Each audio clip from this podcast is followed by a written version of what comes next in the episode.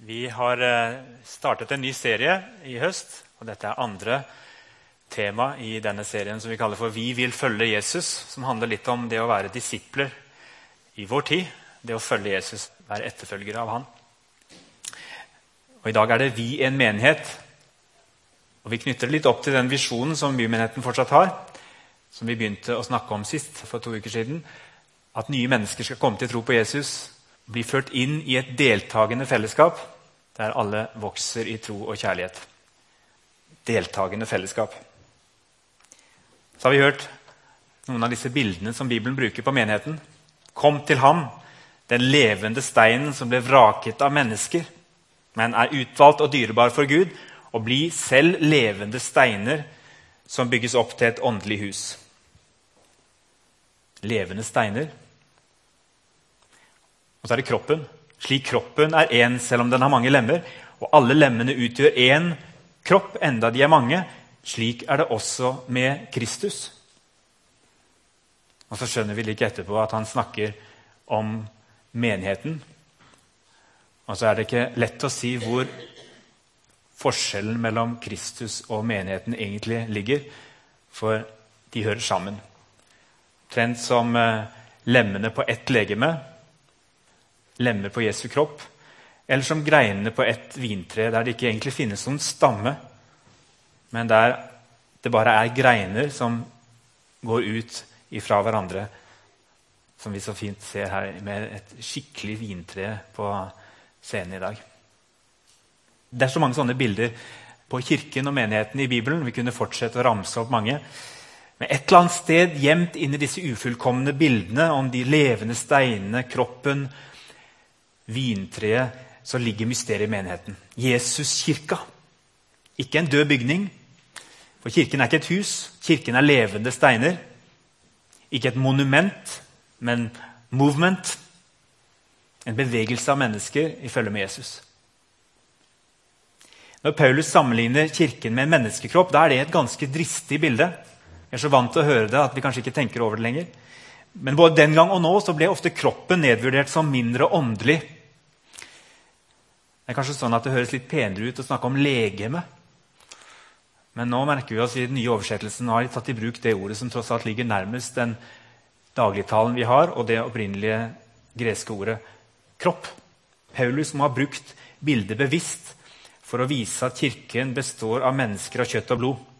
Både den gang og nå så ble ofte kroppen nedvurdert som mindre åndelig. Men trosfellesskapet det er synlig og konkret på godt og vondt. Et deltakende fellesskap, sier vi i bymenigheten. At alle blir ført inn i et deltakende fellesskap. Hvem får lov til å delta?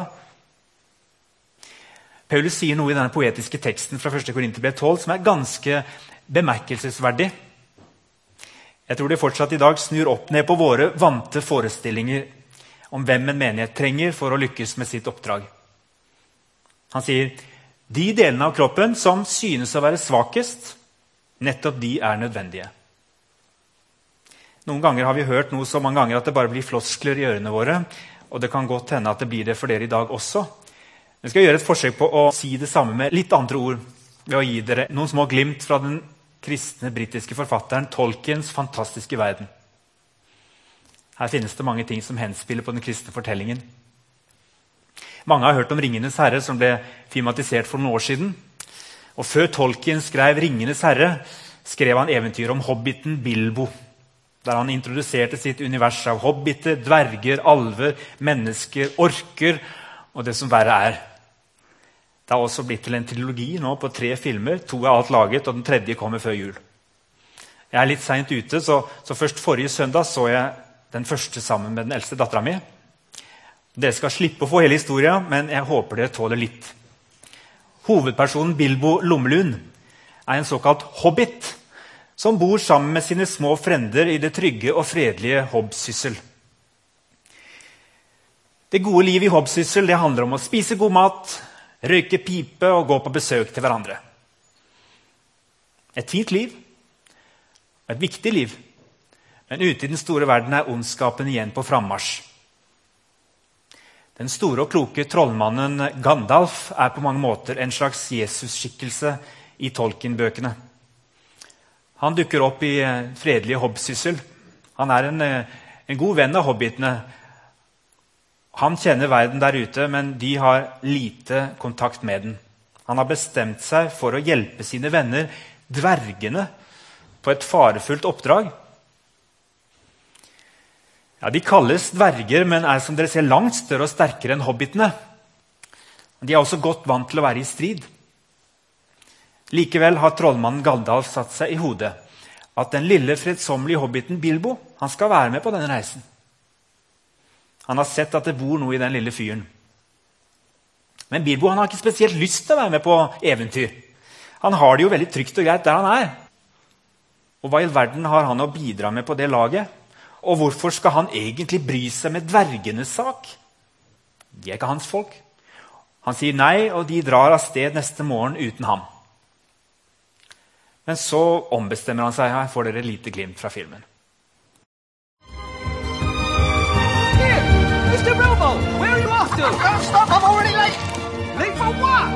I'm going on an adventure.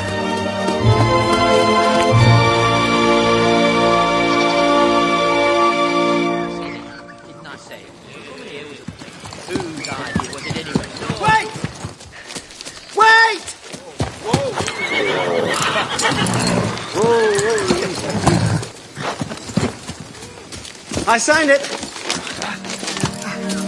Everything appears to be in order. Welcome, Master Baggins, to the company of Thorin Oakenshield.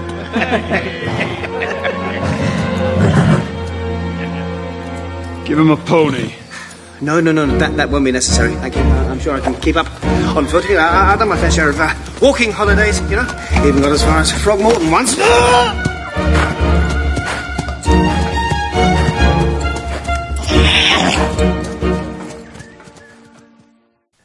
De delene av kroppen som synes å være svakest, nettopp de er nødvendige, står det i teksten. Det er ikke helt lett å forstå hva Paulus mener, men det kan virke som forfatteren Tolkien har grepet noe av hemmeligheten i sine historier. Senere i historien sier trollmannen Gandalf noe veldig vesentlig. Midt under den farefulle reisen har de et stopp i Alvenes dal, og Gandalf har en samtale med den gode alvedronningen Galadriel. Og På dette tidspunktet har dvergene liten tro på at det var lurt å ha med seg Bilbo på ferden. Han har egentlig bare vært til bry. Først seinere skal han få vise sitt mot og sin betydning for laget. Og Selv har han mange ganger hatt mest lyst til å gi opp og reise hjem igjen til trygge hobbsyssel. Så spør Galadriel her hvorfor tok du med deg den lille hobbiten. Og Da svarer Gandalf Saruman, den største av trollmennene, han tror at bare store krefter kan holde ondskap i sjakk. Men det er ikke hva jeg har erfart. Jeg har erfart at det er de små tingene, det vanlige folk gjør hver dag, som holder det onde på avstand. Enkle, vennlige og kjærlige tanker. Hvorfor Bilbo? Kanskje det er fordi jeg er redd. Og han setter mot i meg. Den store, sterke og kloke trollmannen Gandalf han kan stoppe en hel hær på egen hånd om han bruker makten sin. Han er som en Jesus-skikkelse i fortellingen. Og Så sier han at han trenger en liten og avmektig hobbit med på laget som setter mot i ham. Nå har Gud gitt hvert enkelt lem sin plass på kroppen slik han ville det. Hvis det hele var én kroppsdel, hvor ble det da av kroppen? Men nå er det mange kroppsdeler, men bare én kropp. Øyet kan ikke si til hånden 'jeg trenger deg ikke', eller hodet til føttene 'jeg har ikke bruk for dere'. Tvert imot, de delene av kroppen som synes å være svakest, nettopp de er nødvendige. De delene av kroppen som synes å være svakest. Vi skal ikke presse historien om hobbiten Bilbo for langt på vår kristne liv og på vår menighet, men jeg tror det er noe gjenkjennelig her om Guds rike som opererer med ganske andre verdier enn ja, når det gjelder styrke og kompetanse. Av og til er det veldig lett å miste det av syne når vi vurderer både våre egne muligheter og andres. Visjonen om et deltakende fellesskap der vi er overgitt til hverandre, avhengig av hverandre, både barn, unge og voksne, det er litt naturstridig, akkurat som resten av visjonen vår. Det kan oppleves enda mer unaturlig også i den grad vi plasseres sammen med mennesker vi kanskje ikke selv ville ha valgt å ha med på reisen. Det kan være den følelsen du sitter med noen ganger i vår menighet også. Selv om det er blitt sånn nå at eh, i hvert fall i Sandnes-området, at vi på en måte kan velge litt hvor vi vil gå og være med, og velge litt etter hvem vi føler vi passer i lag med. Ikke alle steder i verden de kan det. Og Det er viktig for at, oss også at vi husker at vi er noe mer enn et interessefellesskap eller en klubb. Vi har et oppdrag som er større enn oss sjøl, større enn oss selv og bare våre egne behov. Og det, det, skal samtidig være lov å kjenne på egne behov og egne grenser og gi uttrykk for dem. Når alle er med og gir inn, så skal jo også alle få noe. Og gi inn såpass at det, det går an å være med og fortsette.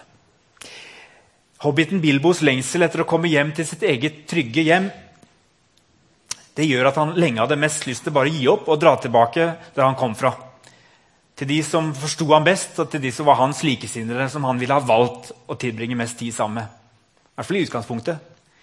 Og så På et tidspunkt i slutten av den første filmen så blir denne lengselen forvandlet til noe annet. Han sier det omtrent sånn Fordi jeg vet at jeg har et trygt og godt hjem å komme til, så vil jeg være med å kjempe for at også andre som ikke har det, skal få det samme. Jeg tror også det handler om å være menighet i bevegelse. Menighet i misjon med et oppdrag som er større enn oss selv. Han får beskjed før han drar. Vær klar over det, sier Gandalf. At du kommer til å bli forandret underveis. Du kommer ikke til å være den samme når du kommer tilbake til Hobbsissel. Og så er det litt av det han må på en måte ta stilling til. Han blir med på noe som er større enn han selv, hans egen familie, hans eget nabolag. Det var en som minnet meg om det denne uka i cellegruppa. Jesus sender ikke de dyktige. Han dyktiggjør de han sender. Våger vi å tro at det er sånn? Våger du å inkludere deg selv i en sånn tanke? I vår lutherske og pietistiske tradisjon så har vi av og til fått en slagside her. Det er lett å snakke om vår synd og vår skrøpelighet på en slik måte at vår egenverdi og våre gudgitte ressurser blir helt borte i all fordervelsen.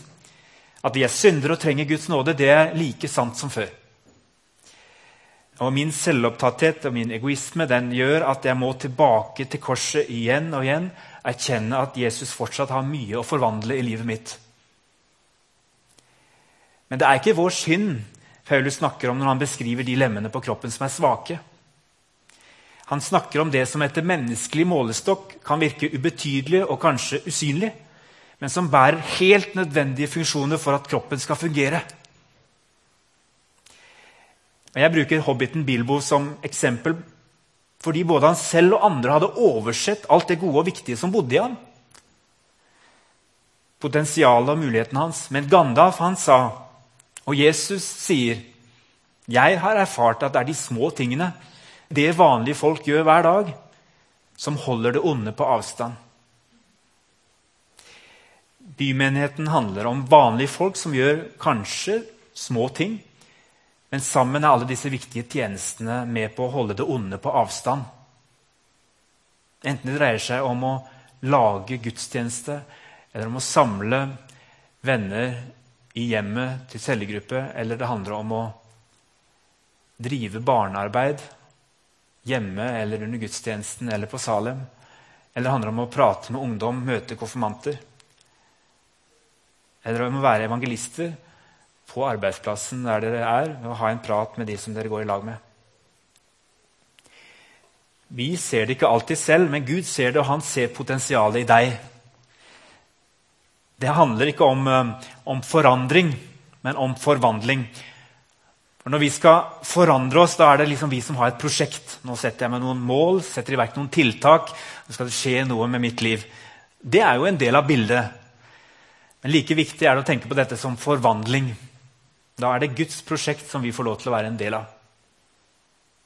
Jesus sender ikke de dyktige. Han dyktiggjør dem han sender.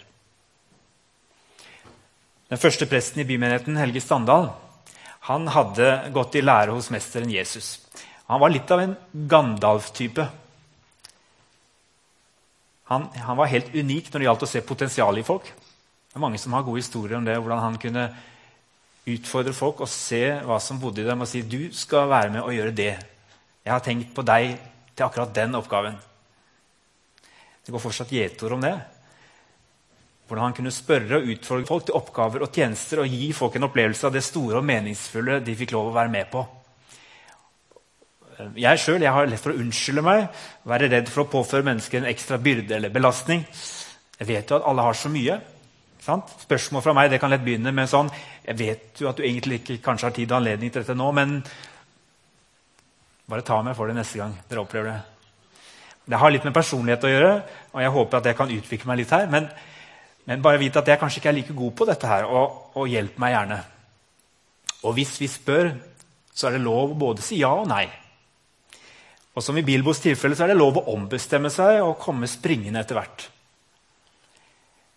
Men det som jeg tror Helge Standal visste, og mange andre av dere som har vært med i bymenigheten i mange år, dere har lært av Jesus tror jeg, at det å ha en tjeneste i menighet det gjør det enda mer meningsfullt å delta.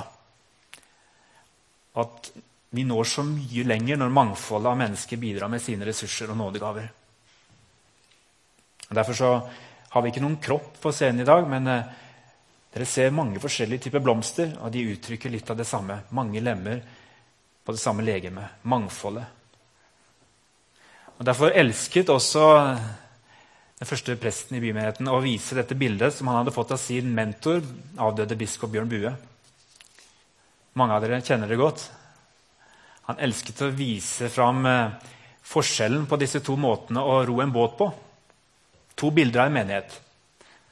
Den der det står en fremst og ror, og de andre sitter og ser på. Og den der alle sammen er med og ror. De som var med og starta bymenigheten, de var faktisk ikke helt sikre på om de ville ansette en prest i første omgang. Det ligger en veldig sterk verdi i vår DNA som sier at vi er alle et hellig presteskap, som det står i 1. Peders brev. Og Det er den andre roboten vi fortsatt ønsker at bymenigheten skal være i tida som kommer. Det handler om å ikke gi noen større makt eller betydning i fellesskapet enn det de skal ha. Men det kan være ganske viktig i kirkelig sammenheng. Vi trenger å høre de forskjellige stemmene og gi rom for mangfoldet, ressursene og innflytelsen. Og Gud har gitt hvert enkelt lem sin plass på kroppen slik han ville det. Og vi er en del av noe som er langt større enn oss selv. Vi kan se på eventyret om hobbiten Bilbo. Kan se på dvergenes farefulle liv som et morsomt eventyr som har et annet å si oss om vårt liv, men kanskje ikke i bokstavelig forstand. Det er bare det at For noen av våre brødre og søstre på Kristi legeme så er dette en større virkelighet enn, en vi kan fatte. Det får også klinge med i dag når vi har temaet 'Vi er en menighet' for å minne oss på at vi er en del av noe langt større enn oss selv, Sandnes, Norge. Så skal vi også nå på slutten få lov til å, å, be sammen. Jeg har lyst til å løfte fram på en særlig måte brødre og søstre i Midtøsten, spesielt situasjonen i Nord-Irak. I samme kapittel fra 1. Korinterbrev 12 så hørte vi lest For om ett lem lider, lider alle de andre med. Og om ett lem blir hedret, gleder alle de andre seg. Johannes Kleppe, som har laget dette flotte bildet i en serie av bibeltypografier. Vi lar det ligge her mens eh, Thor ber for situasjonen i Nord-Irak. Og så avslutter vi med bønnesvaret Din vilje skje på jorden, o Gud. Gode himmelske Far, takk for at vi får være dine barn. For at vi alltid og under alle forhold kan komme til deg med alt. I dag tenker vi spesielt på våre trossøsken i Irak. Vi kommer til deg og påkaller din hjelp. Du er vår himmelske Far, som vi tror er universets skaper og kilde til alt liv, med all makt i himmel og på jord, full av nåde, barmhjertighet, miskunn og kjærlighet. La de som lider i Irak, få merke at du aldri har glemt dem. Overbevis dem om at du aldri, aldri, aldri vil forlate dem. At du tvert imot er nært hos dem. At du kjenner på og deler deres smerte. Gi dem styrke, utholdenhet, håp, trøst og hjelp. Og det samme ber vi for dem som, som forsøker å hjelpe dem som lider. Styrk dem med kjærlighet, mot og klokskap. Det ber vi deg om, vår Gud og Far. Din vilje skje, din vilje skje, din vilje skje.